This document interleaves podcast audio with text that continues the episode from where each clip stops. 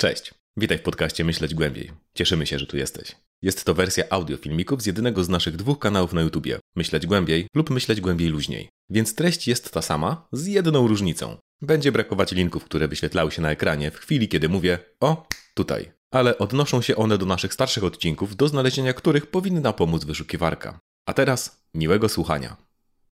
Zapewne spotkaliście się już z sytuacją, że pan S zobaczył jakieś wideo, wkurzył się i napisał scenariusz. Jak będzie się wkurzać w tym tempie, to trzeba będzie zmienić nazwę kanału na Myśleć Gniewniej. Najświeższym powodem do gniewu był prawicowy youtuber Feano Raglarion. Nie, nie, nie, czekaj, nie wyłączaj. Momencik.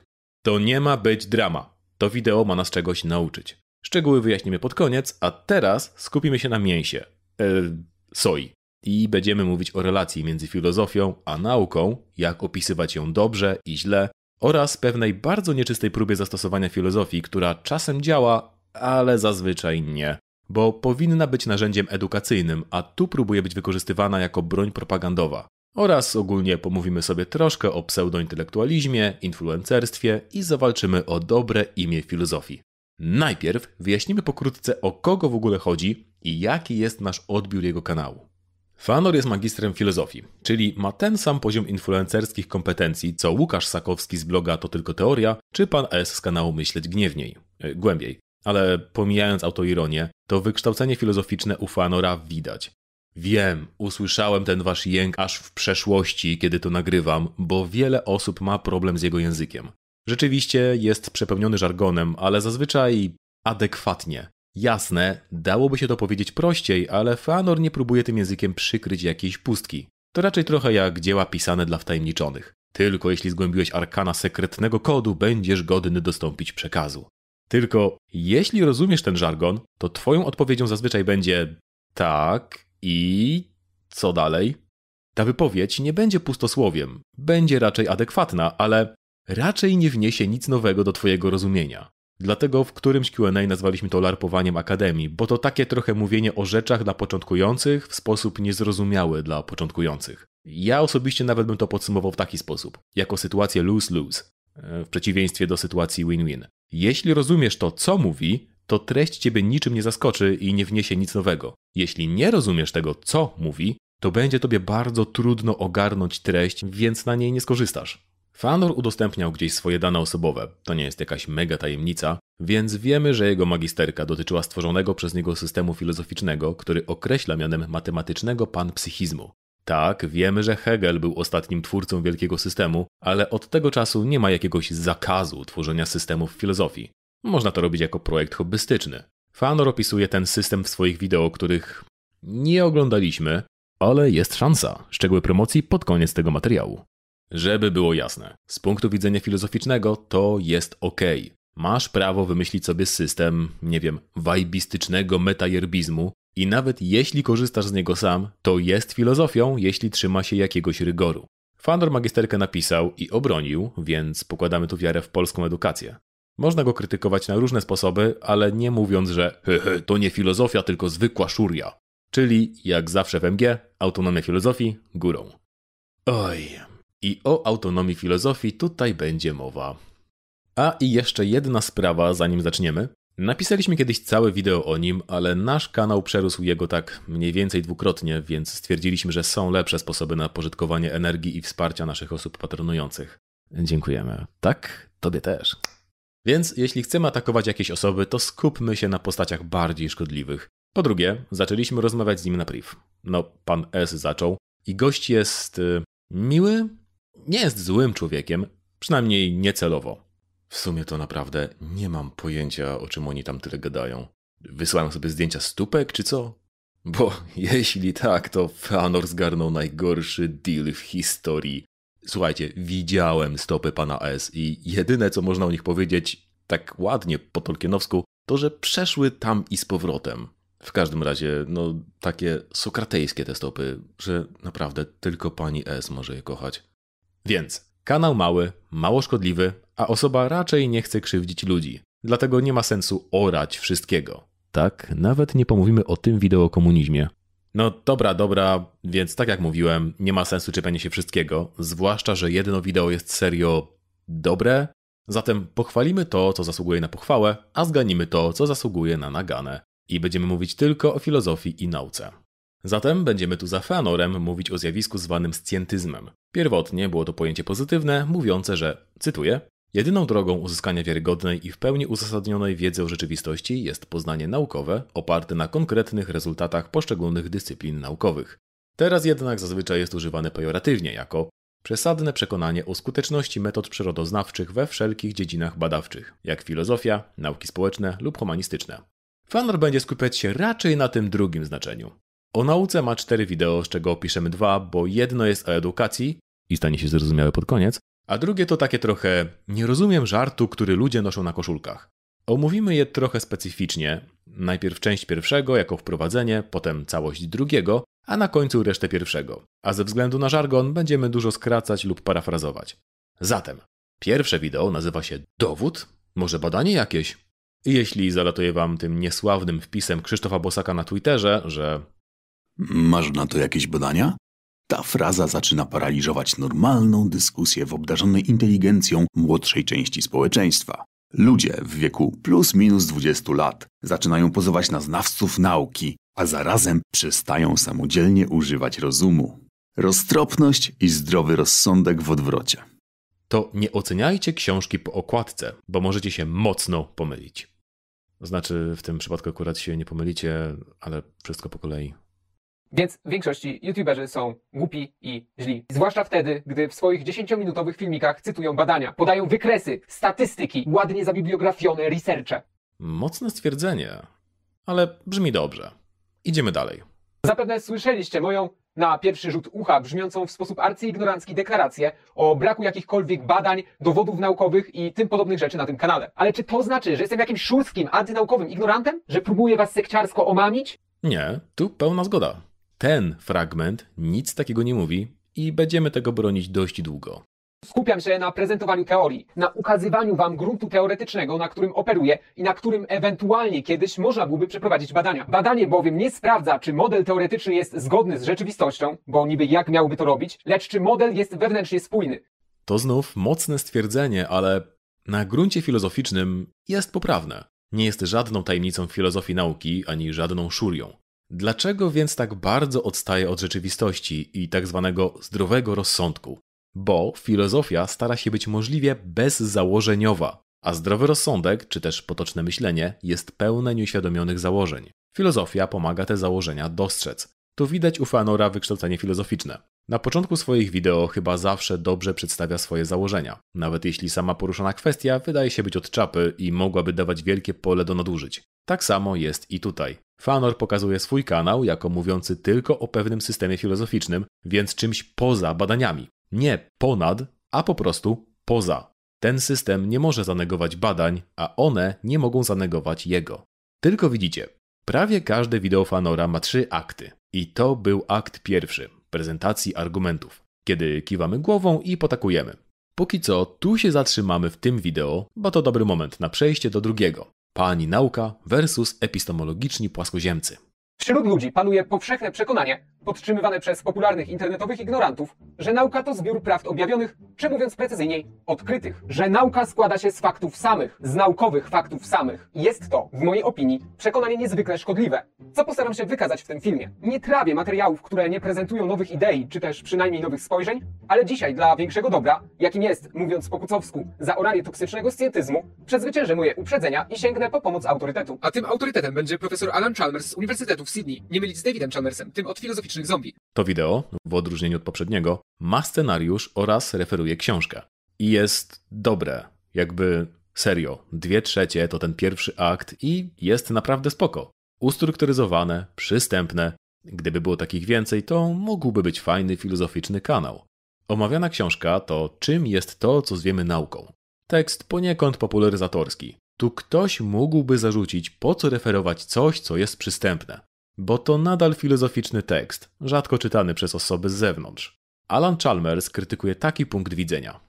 Wiedza naukowa jest wiedzą dowiedzioną. Teorie naukowe zostały wyprowadzone w ścisły sposób z faktów doświadczenia uzyskanego drogą obserwacji i eksperymentu. Nauka opiera się na tym, co możemy zobaczyć, usłyszeć, dotknąć itd. W nauce nie ma miejsca na osobiste przekonania, preferencje czy spekulatywne wizje. Nauka jest obiektywna. Wiedza naukowa jest wiedzą niezawodną, ponieważ jest wiedzą udowodnioną w obiektywny sposób.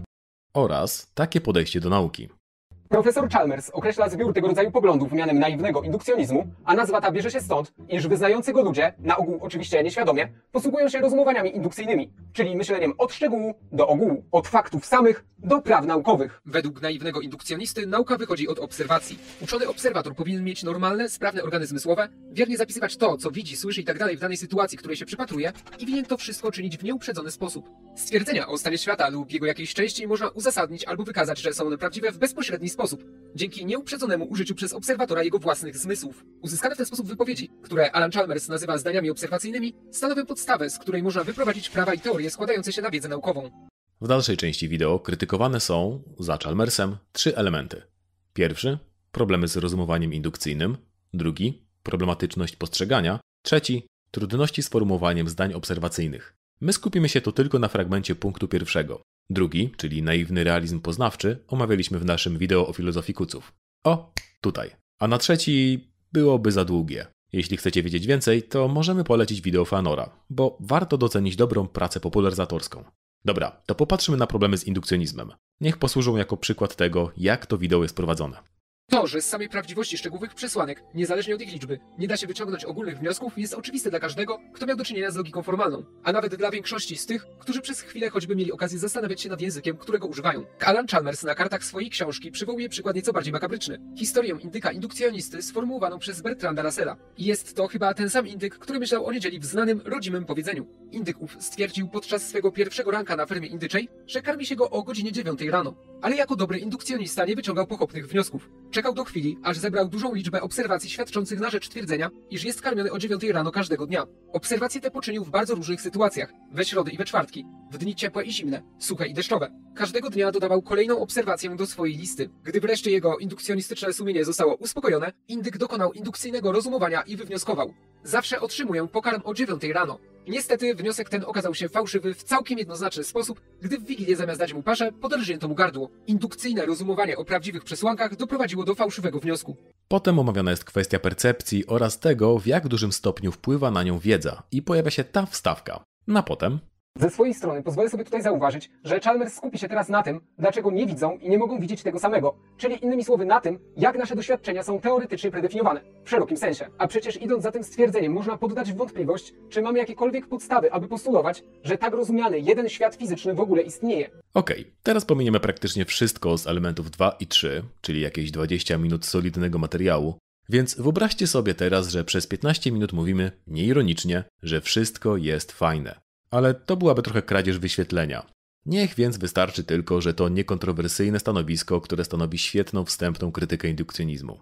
Teraz mamy podsumowanie tej części. Chalmers krytykuje w swojej książce tzw. Tak indukcjonizm naiwny, czyli jedną z najbardziej wulgarnych, lecz zarazem powszechnych postaci idei, którą możemy określić jako scjentyzm. Krytykuje samą zasadność rozumowań indukcyjnych, a co za tym idzie postulowaną niezawodność opartej na nich nauki. Krytykuje także leżącą u podstaw tych rozumowań teorię obserwacji, opartą w głównej mierze o stanowisko, które filozofowie określają jako naiwny realizm ontologiczny, ja zaś precyzyjniej jako materialistyczny redukcjonizm. Yy, czekaj, rozpędziliśmy się z tą przystępnością. Jeśli ten materialistyczny redukcjonizm jest dla Was niejasny, to dla nas też, bo to bardzo szerokie pojęcie, które średnio przystaje do indukcjonizmu, nawet naiwnego. Redukcjonizm materialny można rozumieć tak, że ostatecznie wszystko redukuje się do materii i daje się wyjaśnić procesami materialnymi. Najczęściej pojawia się w filozofii umysłu i mówi, że każdemu stanowi psychicznemu odpowiada jakiś konkretny materialny stan mózgu i vice versa. Ale to chyba nie to, w każdym razie to nijak nie wygląda na ściślejsze określenie bez opisania kontekstu. Warto zauważyć, o czym pisze sam Chalmers, że jego argumenty trafiają bezpośrednio jedynie w najbardziej naiwne stanowiska indukcjonistów, ale łatwo zmodyfikować je w ten sposób, aby uderzały także w bardziej subtelne postaci tych teorii. W tym momencie polecam Wam samodzielną lekturę książki tego naukowca. Okej, okay. i w trakcie tej lektury ten cytat miał jednak inne znaczenie, o wiele mniej bojowe. Jest na ekranie. Wspomniałem już, że teorię naiwnego indukcjonizmu uważam za bardzo błędną i niebezpiecznie mylącą. W następnych dwóch rozdziałach spróbuję powiedzieć, dlaczego tak sądzę. Należy jednak pamiętać, że naszkicowane przeze mnie stanowisko jest bardzo skrajną postacią indukcjonizmu. Wielu wyrafinowanych indukcjonistów nie życzyłoby sobie, aby ich kojarzyć z moim naiwnym indukcjonizmem. Niemniej jednak, wszyscy indukcjoniści twierdzą, że o ile teorie naukowe można w ogóle uzasadnić, to jest to możliwe dzięki mniej lub bardziej pewnym danym doświadczenia oraz zasadzie indukcji. Kolejne rozdziały zawierają wiele argumentów, których celem jest podważenie tych twierdzeń. Zaprezentowałem tutaj jedynie niewielką część jego argumentacji i pozwolę sobie zauważyć, że niepokojącą jest sytuacja, w której osoby przyjmujące tak naiwne, wulgarne spojrzenie na naukę uważają się, mówiąc wprost, za oświecone, za stronnictwo walczące z ciemnotą w internecie. Tymczasem są oni po prostu epistemologicznymi płaskoziemcami, osobami, które same nie są w stanie sformułować żadnej własnej i interesującej teorii, własnej i interesującej teorii, a nawet nie potrafią sięgnąć do tak podstawowej lektury jak ta, na której oparłem ten materiał. I oto właśnie propagandowe zastosowanie filozofii. To mocne stwierdzenie. Przede wszystkim zakłada, że wszystkie te osoby są naiwnymi indukcjonistami, co niekoniecznie jest prawdą. Na pewno przydałoby się powiedzieć, że są wśród nich też rozsądne osoby, które rozumieją naukę lepiej, a które też walczą z ciemnotą w internecie. Można powiedzieć, że Fanor krytykował podejście fanboyów nauki, a nie samą naukę. Ale w tym momencie, dlaczego niby byłoby ważne, że taki pogromca ciemnoty nie do końca rozumie metodę naukową, jeśli badania, na które się powołuje, są podparte autorytetem nauki? I zanim ktoś zakrzyknie, ej, to argument z autorytetu. Argument z autorytetu jest wtedy, kiedy nie odwołujemy się do eksperta w danej dziedzinie. A nauka jest, cóż, ekspertem w każdej naukowej dziedzinie. Nauka jest autorytetem, do którego można się odwołać, bo proces jej wnioskowania jest jawny, słuszny i zgodny z najlepszą wiedzą ludzkości. Niekoniecznie doskonałą, po prostu najlepszą, jaką posiadamy na dany moment. Jak jej nie wierzysz, to możesz śmiało prześledzić to wszystko sam i pewnie dojdziesz do tych samych wniosków. A jeśli nie, to możesz wziąć udział w mechanizmie samokorygującym nauki.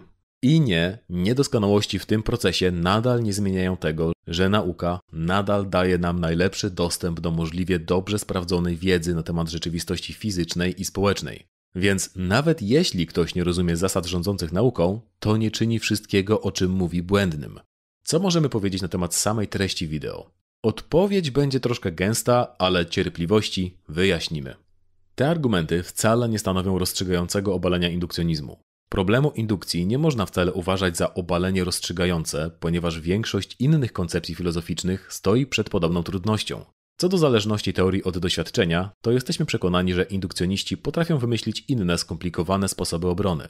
Główny powód, dla którego uważamy, że indukcjonizm winien być odrzucony, polega na tym, że w porównaniu z konkurencyjnymi i bardziej nowoczesnymi teoriami nie udało mu się wyjaśnić w interesujący sposób aspektów nauki, co spowodowało, że Imre Lakatos uznał ten program za zdegenerowany. Bardziej adekwatne, interesujące i bardziej płodne teorie nauki omówione w dalszych rozdziałach stanowić będą najsilniejsze argumenty przeciwko indukcjonizmowi? Co? A, bo widzicie, to był cytat z Chalmersa, z końcówki tego fragmentu, który zreferował Feanor, czyli z jednej czwartej książki. Zatrzymuje się dokładnie tam, gdzie zaczyna się właściwa, no, filozofia nauki, a już w kolejnym rozdziale mowa jest o falsyfikacjonizmie, czyli o koncepcji o wiele lepszej niż naiwny indukcjonizm. W jednym zdaniu, gdy naiwny indukcjonizm szuka nowych potwierdzeń, to falsyfikacjonizm aktywnie szuka zaprzeczeń, czyli projektuje eksperymenty mające obalić daną tezę. To zupełnie absolutny mainstream dla kogokolwiek, kto interesuje się nauką. A do tego coś, co fanboje nauki często znają i nadużywają. Czemu więc ta koncepcja nie została zaorana? Bo propaganda. Bo to wideo jest o fanbojach nauki, a nie dla fanbojów nauki. W naszym podobnym wideo też nie mówiliśmy o falsyfikacjonizmie, bo skupiliśmy się na podziale między wyjaśnieniem a rozumieniem, czyli różnicy metodologicznej między naukami przyrodniczymi a humanistycznymi czy społecznymi. Co z naszej perspektywy nie było tylko zaoraniem fanboyów, a również dało im coś nowego i fajnego do przemyślenia. A wideo fanora wydaje się po prostu dawać amunicję ich przeciwnikom. Amunicja jest kiepskiej jakości, bo w końcu nie porusza tego falsyfikacjonizmu, ale hej, da poczucie, że można zaorać oponenta. To właśnie nieuczciwe zastosowanie filozofii. Pytanie, które zazwyczaj pada w przeciągu pół godziny pierwszego wykładu z danego przedmiotu, Feanor przedstawia jako argument ostateczny. Wiem, wiem, tam jest dupochron, że czytajcie książkę i w ogóle, ale nie ma nic sugerującego, że ciąg dalszy może odbudować wiarę w naukę. Ma pozostawić widza z takim ha, zaurane przez filozofię. Tyle, że nie, i tego typu użycie filozofii to taka trochę kuglarska sztuczka. Ale nie wiem, może Fanor odkrył radość sceptycyzmu. W końcu uczył się od najlepszych. Tymczasem porządna filozofia podejmuje się prób udzielenia odpowiedzi na tego typu pytania. Często nawet niezłych, jak te znalezione w pozostałych trzech czwartych książki Chalmersa. W końcu, jak nazwa wskazuje, filozofia powinna być umiłowaniem mądrości, a nie, cóż, sofistyką, czyli mądralińskością. To jednak nie koniec tego filmu. Niestety, bo widzicie, wchodzimy w drugi akt, który będzie znacznie mniej ciekawy, poza jednym bardzo dobrym fragmentem. Ale jeszcze raz, do tego miejsca bardzo fajnie. Myśleć głębiej przyklepuję. Ten drugi akt, pojawiający się w wielu wideo Fanora, to interpretacje tego, co zostało wyłożone na początku. Omawiając wybrane fragmenty argumentacji Chalmersa zwróciłem uwagę na dwie istotne kwestie. Po pierwsze przyjmuje on realizm ontologiczny, istnienie jednego określonego świata fizycznego niezależnego od obserwatorów, przede wszystkim po to, aby rozpatrywanie poglądów scjentystów miało jakikolwiek sens oraz aby ad hoc zaproponować wyjaśnienie tego, dlaczego mając różne doznania obserwacyjne nie jesteśmy w stanie swobodnie ich kreować, czyli dlaczego nie czujemy, nie widzimy i nie słyszymy tego, co chcemy. Po drugie Chalmers zauważa, że gromadzenie przez nas wiedzy w sposób fundamentalny wpływa na nasze postrzeganie świata, kształtuje nasze doznania obserwacyjne. Czyli będziemy teraz omawiać, że 1. Z tego, że widzę przed sobą klawiaturę i inni też ją widzą, nie mogę wywnioskować nic na temat tego, czy ona naprawdę istnieje, ani czym naprawdę jest. Ale mogę wywnioskować, że z jakiegoś powodu widzimy coś podobnego. Może to być materia, kod Matrixa, idea w umyśle Boga albo identyczne światy znajdujące się w całkowicie oddzielonych od siebie monadach. Jakkolwiek. Chalmers tutaj zakłada istnienie jednego świata, ale tak nie musi być. 2. Tę klawiaturę widzimy przez pryzmat naszej wiedzy i doświadczeń. Jeśli one się zmienią, to zmieni się jej postrzeganie. Przejdźmy zatem do omówienia drugiego tekstu źródłowego. Te dwie kwestie spróbuję rozważyć w świetle fragmentu mojego wpisu, który pozwoliłem sobie opublikować na Twitterze około 3 lat temu. Siri, podsumuj kanał Fanora w jakieś 8 sekund.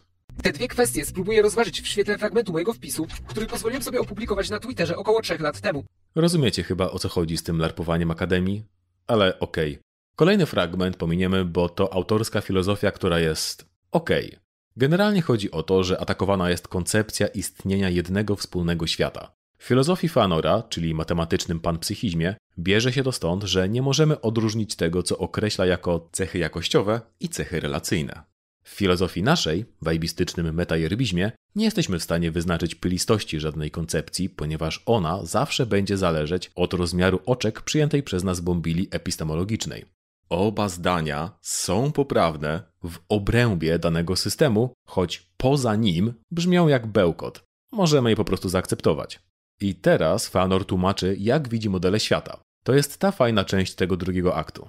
Że każdy tworzony przez nas obraz świata jest pewną teoretyczną abstrakcją wypływającą z próby uchwycenia tego, co wspólne w ludzkim doświadczeniu świata i w ten sposób niezależne od przeżyć konkretnych jednostek. Odnosząc się do tego abstrakcyjnego obrazu świata, podejmujemy pewne działania, które mają na celu jego zrozumienie, czyli zwiększenie naszych możliwości oddziaływania na ten świat. Te działania skutkują pewną rewizją tego obrazu, przekształceniem go. Proces zaś zaczyna się od nowa. Jest to stały, niekończący się cykl, w którym przyjęcie wiary w istnienie jednego określonego świata jest warunkiem podejmowania wspólnego działania, oderwania się od naszych partykularnych spojrzeń na rzecz pewnej wspólnej wizji.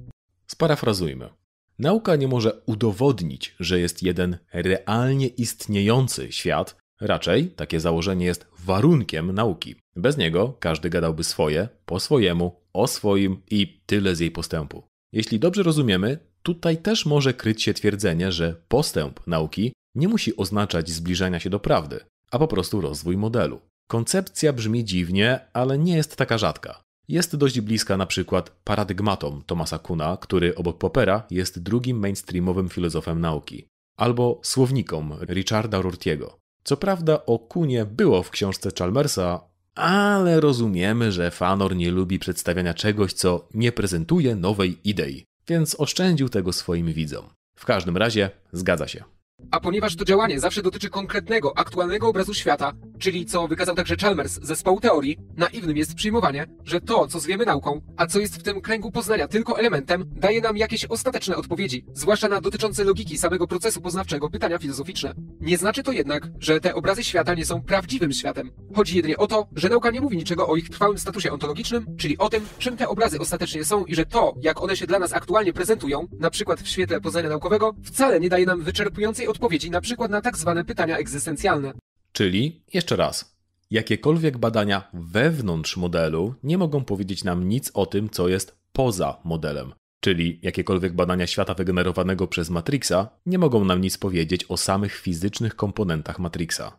W tym miejscu muszę zakończyć, jednak domyślam się, że dla wielu osób dopiero teraz zaczęło robić się ciekawie. Głównym celem tego filmu nie było jednak pełne rozważenie pewnych nurtujących od zawsze ludzkie umysły kwestii, lecz podważenie pewnych szkodliwych, acz popularnych poglądów, szkodliwych postaw filozoficznych, epistemologicznego płaskoziemstwa. Okej, czyli jeśli taki był cel tego wideo, to dostaliśmy po prostu sceptycyzm. Nawet nie dekonstrukcję, bo model nauki nie został tu rozmontowany, aby sprawdzić jak działa. I przerwanie wideo w tym miejscu nie jest za dobre, bo tu zaczyna się propaganda. Posłuchajmy, kogo Feanor ma za epistemologicznych płaskoziemców i zobaczmy, czy się zgadzamy. Podważenie pewnych szkodliwych, acz popularnych poglądów, szkodliwych postaw filozoficznych, epistemologicznego płaskoziemstwa. Bo tak, naiwny indukcjonizm, Jak najbardziej, scjentyzm jak najbardziej. czy materializm, Co? Z czego powinniście sobie już zdawać sprawę po oglądnięciu tego materiału, to jedynie postawy filozoficzne i warto zaznaczyć niezwykle problematyczne stanowiska filozoficzne. I teraz nic w tym wideo nie podważa materializmu, czyli stanowiska, że materia jest jedynie realnie istniejącą rzeczą i podstawą świata, z której wynika wszystko inne. Nie widzimy żadnego uzasadnienia, aby tu używać tak szerokiego i niejednoznacznego słowa. Czy to stanowisko filozoficzne? Tak, ale na pewno nie jest ani płaskoziemstwem, ani nie jest problematyczne. I teraz, jeśli po podsumowaniu myślicie, że to wideo może być otwieraniem drzwi szurom, to niestety macie rację. Ale o tym później. Póki co jednak kończy się akt drugi, czyli ten, w którym Feanor podaje swoje interpretacje nieraz bardzo na siłę. Dlatego tak wiele jego wideo ma vibe kazania, bo zamiast metodyczności z aktu pierwszego słyszymy, że tak jest, bo tak jest, a jak chcesz wiedzieć dlaczego, to Nie interesuj się więcej, bo kociej mordy dostaniesz. To miałby jeszcze trochę sensu, gdyby Fanor rzeczywiście wykładał cudzą teorię. Wtedy rzeczywiście musiałby się trzymać jednej wykładni i tyle. Ale, jak już wiemy, nie ma cierpliwości do nieprezentowania nowych idei. A takie ma, cóż, najwyraźniej tylko on sam. To oczywiście główny objaw choroby influencerskiej, czyli większa potrzeba mówienia i wykładania niż słuchania i uczenia się. Osoby nią dotknięte bardzo często wypowiadają się też w tematach, o których nie mają zielonego pojęcia, a problem jest taki, że Fanor sprawia wrażenie osoby, która na studiach robiła tylko minimum tego, co nie było związane z jej projektem filozoficznym osadzonym w XIX wieku. I widzicie, filozofia jest specyficzna w tej kwestii, bo uczy pewnego rygoru myślenia, co po Fanorze widać, ale jest to myślenie w kategoriach takich XIX-wiecznych.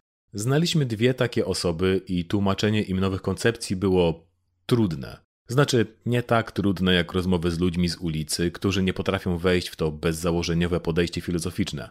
Ci znajomi rzeczywiście byli w stanie łapać pewne koncepcje, ale robili to w swoich kategoriach, a przez brak zainteresowania filozofią, która powstała po ich specjalizacji, wychodziło z tego takie odkrywanie Ameryki. Że oni dochodzili do wniosków, które miały sens, były filozoficznie poprawne oraz zostały wymyślone ze 100 lat temu i od tego czasu zostały zrewidowane kilkukrotnie przez ludzi znacznie, znacznie mądrzejszych niż jakichś byle magistrów z Bożej łaski. I dlatego należy znać historię filozofii, bo wtedy nie będzie się marnować czasu na wyważanie już otwartych drzwi.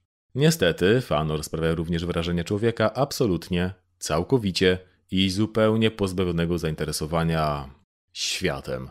Znaczy poznawaniem świata, bo mówić o nim to on lubi. I tu często pojawia się akt trzeci, czyli próba przeniesienia jego teorii na rzeczywistość społeczną, która wychodzi źle. Bardzo źle. Żeby zobaczyć o czym mowa, wróćmy do tego pierwszego wideo. Najpierw małe przypomnienie dotychczasowych argumentów. Wrzucanie badań w 10-minutowych wideo na YouTubie nie ma za bardzo sensu, bo trudno wyjaśnić ich metodologię. Fanor na swoim kanale nie przytacza badań, bo przedstawia system filozoficzny, więc aktualne badania nie mogłyby się do niego odnieść. Po drugie, dlatego że to inna metodologia, a po pierwsze, jak pamiętamy sprzed chwili, że nie można badaniami udowodnić lub obalić systemów filozoficznych. Badanie bowiem nie sprawdza, czy model teoretyczny jest zgodny z rzeczywistością, bo niby jak miałby to robić, bowiem sam model teoretyczny jest już jakimś abstrakcyjnym ujęciem rzeczywistości. Jest ok i zgoda. I gdyby to wideo miało 4 minuty, byłoby spoko. Zatrzymajmy się tuż przed czwartą minutą. Pierwsza część pracy naukowej jest zawsze poświęcona prezentacji narzędzia teoretycznego. I jest to na ogół część znacznie obszerniejsza. A czasami nawet mamy do czynienia z czymś znacznie więcej. Z koniecznością zaprezentowania całego szerokiego wachlarza pojęć. Z koniecznością przedstawienia całego modelu rzeczywistości. A do określenia tego tła teoretycznego jest szczególnie istotne, jeżeli chcielibyśmy przywoływać, powoływać się na jakieś badania liczbowe dotyczące społeczeństwa. Okej, Ten model rzeczywistości to już wydaje się naciągany. Nie wiemy, czy on serio czytał jakieś badania, bo zazwyczaj tym modelem jest po prostu paradygmat obowiązujący w danej nauce, czyli to, co w poprzednim wideo było określone jako model świata. Badanie socjologiczne nie musi jednak definiować całego modelu socjologii czy danej szkoły. Wystarczy tylko, że się na niego powoła. To nie jest tak rzadka wiedza. Ale przechodzimy teraz do aktu trzeciego, czyli konkretnych przykładów. I cokolwiek powiedzieliśmy wcześniej, w tym wszystkim pochwały, musimy oddzielić bardzo grubą kreską. Teoria, którą można było rozumieć na wiele sposobów, zostanie teraz absolutnie nadużyta w praktyce, a narzędzie z ciekawego stanie się wprost szkodliwe. Jeśli robi to twórca teorii, to tym gorzej może o niej świadczyć. A ponieważ jesteśmy wrednymi lewakami, to uważamy, że ludzie powinni być odpowiedzialni za to, co publicznie głoszą. W każdym razie, tu pociąg opuszcza stację Filozofia i przygotujcie się, bo będzie rzucało. Na początek nie zgadniecie, jakiego przykładu użyję. Mogłoby się okazać, że badanie, które miałoby na celu zmierzenie poziomu transfobii w społeczeństwie, O rany, dlaczego prawicowcy zawsze muszą. Albo dobra, zobaczymy o czym on mówi, bo może jednak wie o czym mówi? dałoby zupełnie różne wyniki, jeśli przyjęlibyśmy za tło dwa różne narzędzia teoretyczne, dwa różne zestawy pojęć, wartościowań, dwie różne teorie kultury. Okej, chyba jednak nie wiem. Zakładamy, że teorie kultury to nie jest jednak termin zaczerpnięty z kulturoznawstwa, tylko ma oznaczać jakiś model świata albo coś ciut mniejszego. Dlatego szczególnie karykaturalny charakter ma sytuacja, gdy na przykład dochodzi do sporu dwóch youtuberów reprezentujących dwie różne wizje świata, dwie różne teorie kultury i obydwaj ci youtuberzy, chcąc zaorać tego drugiego, prezentują jakieś badania liczbowe przeprowadzone w obrębie przyjmowanych w danej teorii kultury założeń. Okej, przełóżmy to na konkretny przykład. Otóż jeden youtuber podaje badanie A dotyczące transfobii w Niemczech, według którego, załóżmy, 10% transpłciowych nastolatków zostało wyrzucone z domu rodzinnego w latach 2015-2020 na okres przynajmniej dwóch tygodni. Drugi youtuber podaje jednak badanie B, według którego, też w Niemczech, jest to już 20%. Tyle, że lata badania to lata 2014-2020, a okres to 12 dni. I choć mogłoby się wydawać, że te dane można ze sobą porównać po odrobinie korekty, tak jednak nie jest. Otóż pomiary i metodologia tych badań pochodzą z różnych teorii kultury. Konkretnie badanie A osadzone jest w socjologii sekularyzmu postprotestanckiego, podczas gdy badanie B w socjologii neokatolickiej odłamu zachodniego. Obie te teorie kultury zupełnie inaczej rozumieją procenty, lata oraz dni, przez co nie jesteśmy w stanie przekształcić jednego na drugie. Widzicie ten absurd, prawda? Tak, są różne metodologie i szkoły, ale one są zawsze osadzone w tej samej dziedzinie nauki. To nie są jakieś różne wszechświaty. Nie mamy psychologii amerykańskiej i arabskiej, albo shintoistycznej i nordyckiej biochemii, które absolutnie i zupełnie nie potrafią się dogadać na poziomie, no, badań liczbowych. Litości. Ale dobrze. Ktoś może powiedzieć, że czepiamy się i że tę wypowiedź można rozumieć na kilka sposobów. Może i tak, ale na nasze potrzeby przedstawimy teraz interpretację, która jest chyba najbardziej małoduszna, szkodliwa i, cóż, antynaukowa. Mianowicie, po prostu puścimy to wideo dalej. Będzie to miało taką wartość jak spór dwójki prymitywnych gimnazjalistów kłócących się o to, kto ma większe przyrodzenie. Tyle, że ci troglodyci przynajmniej z założenia dysponują jednym systemem miary, czego nie można powiedzieć o naszych pseudointelektualistach youtuberach. Pamiętajcie, żyjemy najwyraźniej w świecie fizyki arystotelesowskiej, więc procenty sekularyzmu postprotestanckiego różnią się od procentów neokatolickich nie ilościowo, ale jakościowo. Dlatego też nie ma jednego systemu miary. Najwyraźniej rewolucja matematyczna w naukach nigdy nie nastąpiła. Gdyby Fanor choć zamknął ten dziób parę zdań wcześniej, to może dałoby się z tego wybronić. Ale niestety ma silny atak choroby influencerskiej w postaci słowotoku, w którym tylko wkopuje się głębiej. I to jeszcze nie koniec. Innymi słowy, uważam, że przerzucanie się linkami do badań, powoływanie się na opinie naukowców, że mówienie, iż tu wykazano, że tu ostatecznie udowodniono, że to badanie jasno wykazało, że tutaj wszystko jest już oczywiste w świetle ostatniego badania amerykańskich naukowców przeprowadzonego na myszach e, w laboratorium w Massachusetts, czy coś tam, że wszystko to raczej przypomina dwójkę goryli, czy też większą ich liczbę, którzy okładają się energicznie pięściami po swoich obłosionych klatach. Sorry, obiecaliśmy wam, że oszczędzimy języka Fanora, ale gdybyśmy to sparafrazowali, to nikt by nam nie uwierzył. Czy to już antyintelektualizm? Tak, na pełnej. Dlatego uważam, że jeżeli youtuberzy rzeczywiście mają coś do powiedzenia, jeżeli rzeczywiście mają jakiekolwiek własne przemyślenia, to powinni raczej prezentować swoje teorie, ewentualnie nakreślić, jak wyobrażają sobie sprawdzenie jej spójności. Przy czym warto zaznaczyć, że gdy mówimy o wszechobejmujących teoriach kultury, to raczej niemożliwa jest ich weryfikacja liczbowa, ponieważ zawsze funkcjonujemy już w jakimś kulturowym medium, w kulturowym medium, którego nie jesteśmy w stanie w pełni opisać, ponieważ już się w nim zrazu i zwykle znajdujemy, Powiedz mi, że nie wiesz nic o kulturoznawstwie, nie mówiąc, że nie wiesz nic o kulturoznawstwie. Do ciężkiej cholery. Tak, możemy bardzo dużo powiedzieć o naszym aktualnym społeczeństwie. Wiesz jak? Choćby porównując się z innymi społeczeństwami. Albo z naszą własną przeszłością. Jasne, że nie opiszemy wtedy naszego społeczeństwa do końca. Nie ma takiego formalnego wymogu i użycie tych słów jest pseudofilozoficznym wybiegiem w stylu okej, to jest X, ale czy to jest prawdziwe X? Wystarczy, że opiszemy na miarę naszych możliwości. A to, że nie znasz metodologii nauk społecznych, to już tylko twój problem. Lepiej, miły youtuberze, jeżeli chcesz się spierać na słuszność własnej teorii wszystkiego, czy też przynajmniej własnej teorii kultury, jeżeli przedstawisz precyzyjnie swoje przemyślenia. Swoje przemyślenia. Swoje przemyślenia. Czekajcie, mamy gdzieś wideo o tej samej energii. Włącz myślenie! Wyłącz telewizor! Włącz myślenie! Wyłącz telewizor! Jeszcze kilka minut wcześniej w naszym wideo można byłoby bronić tej wypowiedzi. Czym innym jest omawianie niezgodności różnych systemów filozoficznych, a czym innym stwierdzenie, że w sumie tak samo jest z youtuberami. Podam wam pewien na prędce wymyślony przykład, a dotyczący wspomnianego miernika transfobii w społeczeństwie. Zauważcie, że konserwatysta, a z drugiej strony lewicowiec w skrajnie inny sposób zdefiniują samą transfobię. Ciekawe, czy któryś z tych sposobów rozumienia jest bardziej zgodny z, nie wiem, nauką? I dlaczego?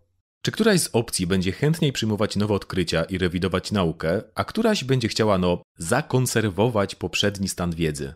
Tylko tutaj nie mówimy o różnych teoriach kultury ze swoją własną nauką, tylko o różnych opcjach politycznych, które mają inną moralność i inny stosunek do tej samej nauki. Okej, oszczędzimy wam kolejnych dwóch minut, gdzie Fanor snuje swoje domysły, czym miałyby się różnić badania w takich teoriach kultury, parokrotnie odkrywając Amerykę, a przynajmniej Sosnowiec, które podsumowuje tak. I zapewne kwestie, które tutaj podniosłem, oraz dosłownie setki innych, musiałyby być dookreślone w teoretycznej części takiego badania. Nie, nie musiałoby być, co stałoby się oczywiste, gdybyś tylko zajrzał do jakiegokolwiek badania kiedykolwiek. Bo to się nazywa metodologia badań naukowych. Jej częścią jest eliminacja uprzedzeń, grupy kontrolne, randomizacja, podwójnie ślepa próba. Mówi to coś panu, panie Fanortku? Bo każdy głupi, naiwny indukcjonista zna to określenia. Czy wyobrażacie sobie, aby którykolwiek konserwatywny czy lewicujący youtuber przedstawił wam takie badanie, prezentując zarazem wszelkie założenia teoretyczne za nim stojące? No ja nie. Przystanek Wielka Lechia. Pociąg kończy bieg. Prosimy o zabranie bagażu podręcznego. Dziękujemy za podróż wykolejami influencerskimi. Pięknie widzimy, jak z poprzedniego założenia wynika redukcja do absurdu. Bo youtuber ma teraz nie tylko wyjaśnić metodologię badania, a wręcz cały świat. A czy jakiś konserwatywny czy lewicujący youtuber to zrobi? Nie.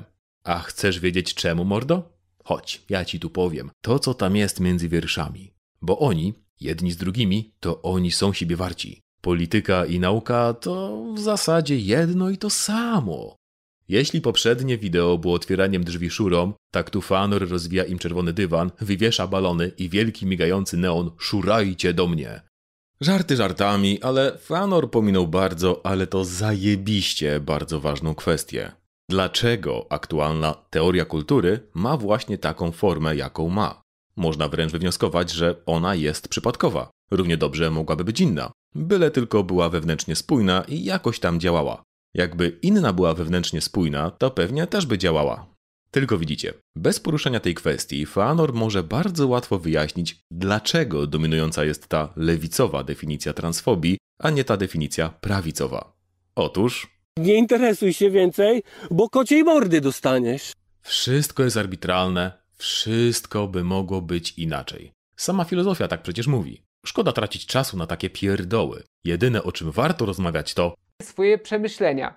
Widzicie, w wielu wideo Fanora jest ten moment, kiedy wzniosły elf schodzi ze swej transcendentnej wieży. Dostrzega jakąś krasnoludzką technologię, której nie rozumie, znaczy, która jest poniżej jego godności, więc stwierdza, że ona w takim razie nie działa, bo działać nie może. A jeśli wydaje się działać, to tylko z powodu ograniczonych horyzontów epistemologicznych obserwatora. I tak oto przeszliśmy od filozofii do czystej krwi antyintelektualizmu. Fanor uzasadnia swoją niewiedzę i lenistwo intelektualne przy pomocy najbardziej banalnej formy sceptycyzmu. I to, że wideo nie powołuje się na żadne badania, to nie jest żaden dowód na jego wyższość. Wręcz odwrotnie. Ważne jest, aby prześledzić, gdzie pojawił się ten błąd.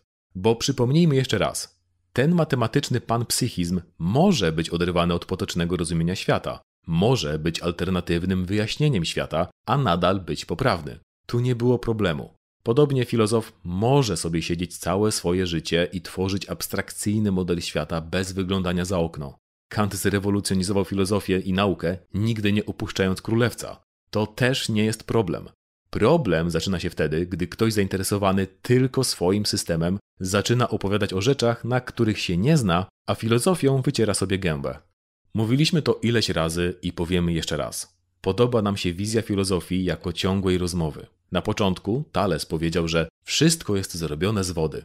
Potem Anaksymander powiedział, tak, ale nie tyle z wody, tylko z jej bezkresu, bo nie zauważyłeś, że bla bla bla bla. Następnie Anaksymenes dodał, tak, ale nie tyle z bezkresu, co raczej z powietrza, bo nie zauważyłeś, że kiedy mówisz bezkres, to bla bla bla bla bla.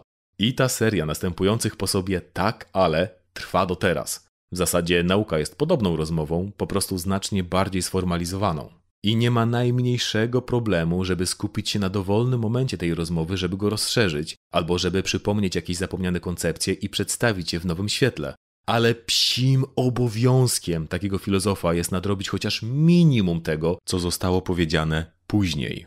Właśnie po to, żeby nie odkrywać Ameryki na nowo, albo siedzieć cicho w swojej sferze badań. Okej, okay, to zamknijmy omówienie i przejdźmy do inby oraz naszych subiektywnych wniosków. Fanor promował wywiad z dziewczyną po detranzycji. Tak, panuje panika moralna na temat detranzycji. Tak, promowany kanał jest prawicowy. Tak, Fanor bronił, że ani on, ani prowadzący kanał nie są transfobami, na co prowadzący poprawił, że on owszem jest. Sama rozmówczyni ma poglądy prawicowe, więc sytuacja jest jaśniejsza niż gdy terwki mówią o swojej lewicowości na łamach skrajnie prawicowych szmatławców. Do tego większość czasu rozmówczyni mówi albo o swoich doświadczeniach, albo o prawicowych poglądach. Nie zgadzamy się z nią, ale to jej zdanie i ma do tego prawo. W wideo jednak pojawia się stwierdzenie, że stare badania na temat liczby detranzycji na poziomie 1% miały błędną metodologię, a najnowsze badania, że jest 16% albo i 30% detranzycji oraz że ta liczba rośnie. Dodatkowo badania, według których detranzycja w 80% bierze się z przyczyn zewnętrznych, jak dyskryminacja, są wadliwe metodologicznie, bo z badania wśród osób identyfikujących się jako detrans zewnętrznych przyczyn jest znacznie mniej, przykład dyskryminacja to 15%.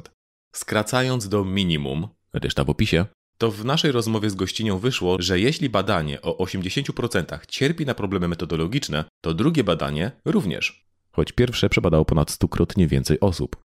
Więc można powiedzieć, że niewiele można powiedzieć. Taki trochę fanorowy wniosek. Na badanie o 16% detranzycji nie było źródła, a to z 30% było wzięte z publicznie dostępnego abstraktu.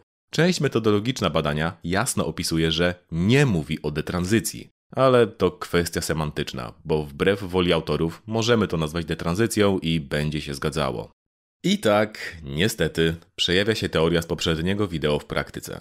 Nasze badanie ma braki metodologiczne? To wasze też. A więc nauka nic nie wie i kij i cześć. Nasze badanie nie zgadza się z wami? To opiszemy je tak, żeby się zgadzało i działa. Czyli no, typowo prawicowe podejście do kwestii rzetelności akademickiej. Ale jest gorzej. Pamiętacie ten fragment o omawianiu swoich idei? Feanor zareklamował ten wywiad jako wątku właściwie empatycznej postawy, która nie polega na leniwym pseudoafirmatywnym jesteś ok, lecz właściwym zainteresowaniu i próbie zrozumienia problemów drugiej osoby. Okej, okay, historia jest autentyczna, ale ciekawe jest to podkreślenie prawdziwej empatii i właściwego zrozumienia. Oraz, że rozmowa dotyczy kompetencji samej tej osoby, a nie, cóż, konkretnych przytoczonych badań. Nie mówimy tego złośliwie, ale Fanor sprawia wrażenie ucieleśnienia parodii prawicowej moralności. Jeśli osobiście nie znam kogoś, kto ma problem, to problemu nie ma. To dlatego pisaliśmy, że on nie jest celowo złą osobą, bo pewnie gdyby poznał osobę transpłciową, okazał jej empatię i zrozumienie, to okazałoby się, że te osoby też mają realne problemy, a nie, że są abstraktami.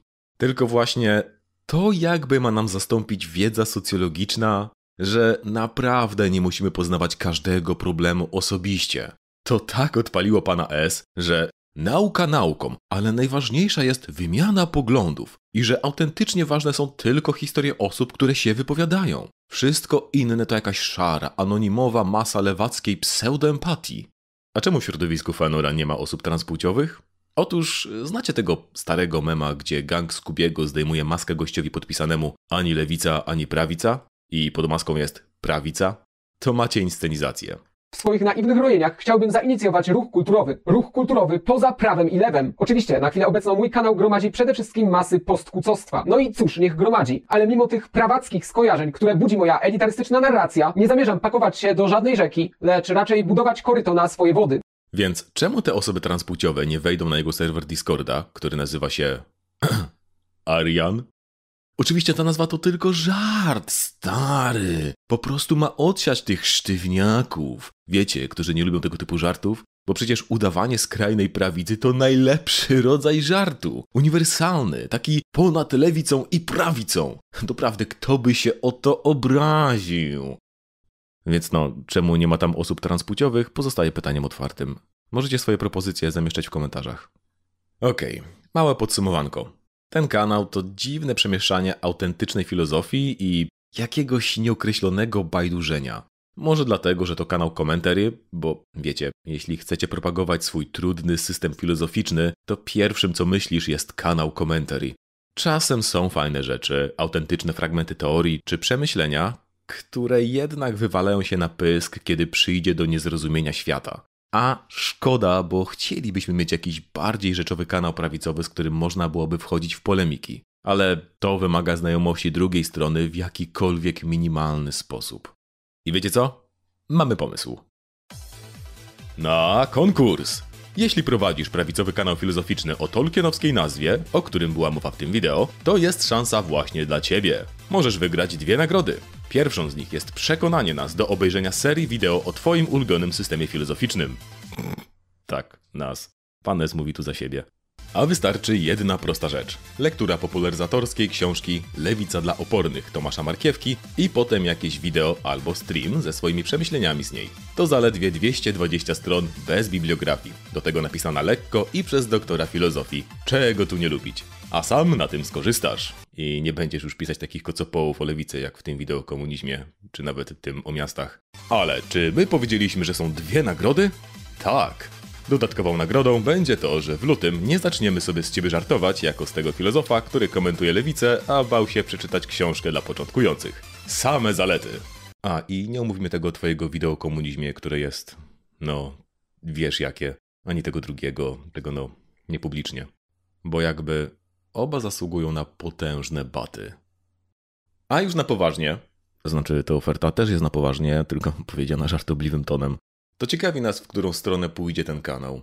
Z jednej strony jest potencjał na ciekawy kanał popularyzatorski, z drugiej zawsze będzie zapotrzebowanie na prawicowych propagandystów, którzy nieważne co mówią, wystarczy, że zaorają lewaków i posypią się brawa.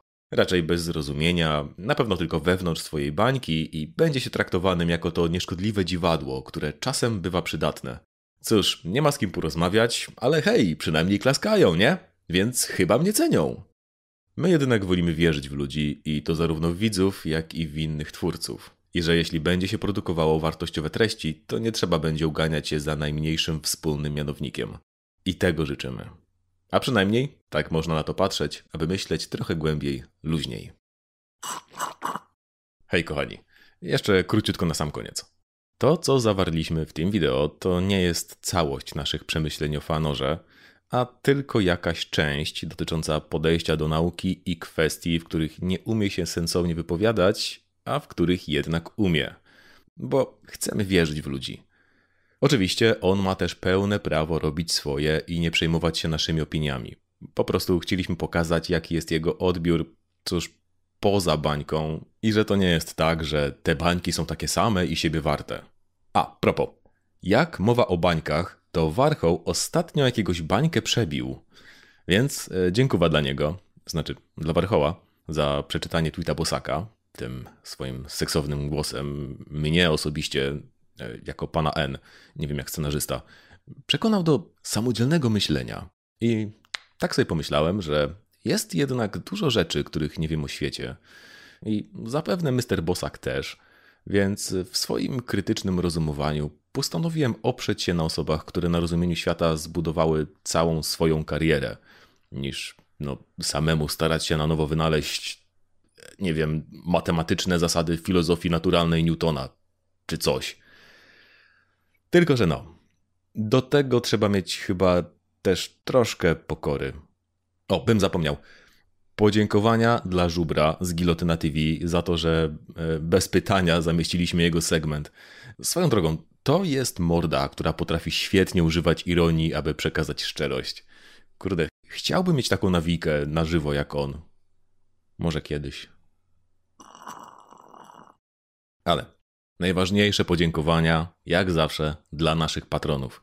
A między innymi to Adam Kępiński, Adrian Głuchowski, Albert Materski, Bartosz Barwikowski, Bechanord, Czabata, DDDDDDDD, Jean, Zuku, Jacek Kiliański, Janusz Grażyński, Jednorożek, Nulenstein, Kamil E., Kamil Stasiak, Konrad Wawrowski, Loken, Lukasynek, Magos Errant, Małgorzata Sajnok, Mariusz Wo, Mr. Fox, Mordechaj Gumibaum, Ouli, Pan Jan, Patrycja, Paweł Litwinowicz, Paweł Pawlik, Piotr Cieślik, Praptak, Rafał Podgórski, RPG Onion, Sachi, Szefo, Wodzu Metal oraz Zuzaka. Jeszcze raz gorące podziękowania dla Was, kochani, za wspieranie nas i bycie z nami. A także dziękuję Tobie, droga osobo oglądająca, że dotarłaś do tego momentu w materiale i jesteś zainteresowana, tuż myśleniem głębiej. Tak, więc Poza tym, standardowo kochani, jeśli Wam się materiał podobał, pamiętajcie, aby go polajkować, e, napisać coś miłego w komentarzach, podzielić się tym materiałem z kimś, jeśli chcecie, nie będę Was zmuszał, oraz e, zasubskrybować ten kanał. Powtórzę, tak, subujcie ten kanał, czyli myśleć głębiej luźniej. Może nawet klepnijcie dzwoneczek, aby mieć powiadomienia, bo on nie ma swoich socjali i potem czytamy smutne komentarze, że ktoś nie wiedział o nowym wideo MG. Także ostrzegam. No. I na sam koniec. E, wiem, że na głównym kanale składałem już życzenia świąteczne, ale złożę jeszcze raz. Życzę Wam, nasi drodzy, abyście czerpali szczęście z prostych, codziennych chwil, aby Was otaczali wspierający i kochający ludzie, żebyście zawsze mieli na wszystko czas i. i. Yy jeszcze raz pieniędzy. O. Dobra, e, kończę, nie ma co się roztkliwiać. Trzymajcie się i do następnego.